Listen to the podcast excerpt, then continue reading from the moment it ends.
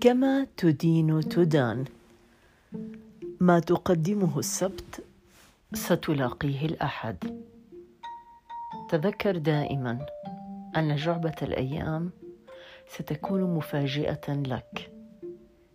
تدور الدوائر على الأشخاص مثلما يقدمون في أيامهم السابقة.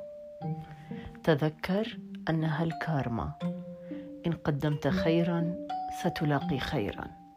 وإن قدمت شرا ستلاقي شرا. كما تدين تدان هي مسألة خطيرة مخيفة.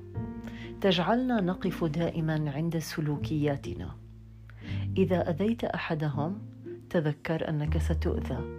إذا أكرمت أحدهم تذكر أنك ستكرم من الله سبحانه وتعالى وعباده. سيسخر الله لك اشخاصا يعاملونك كما عاملتهم تماما. إذا ظلمت ستظلم.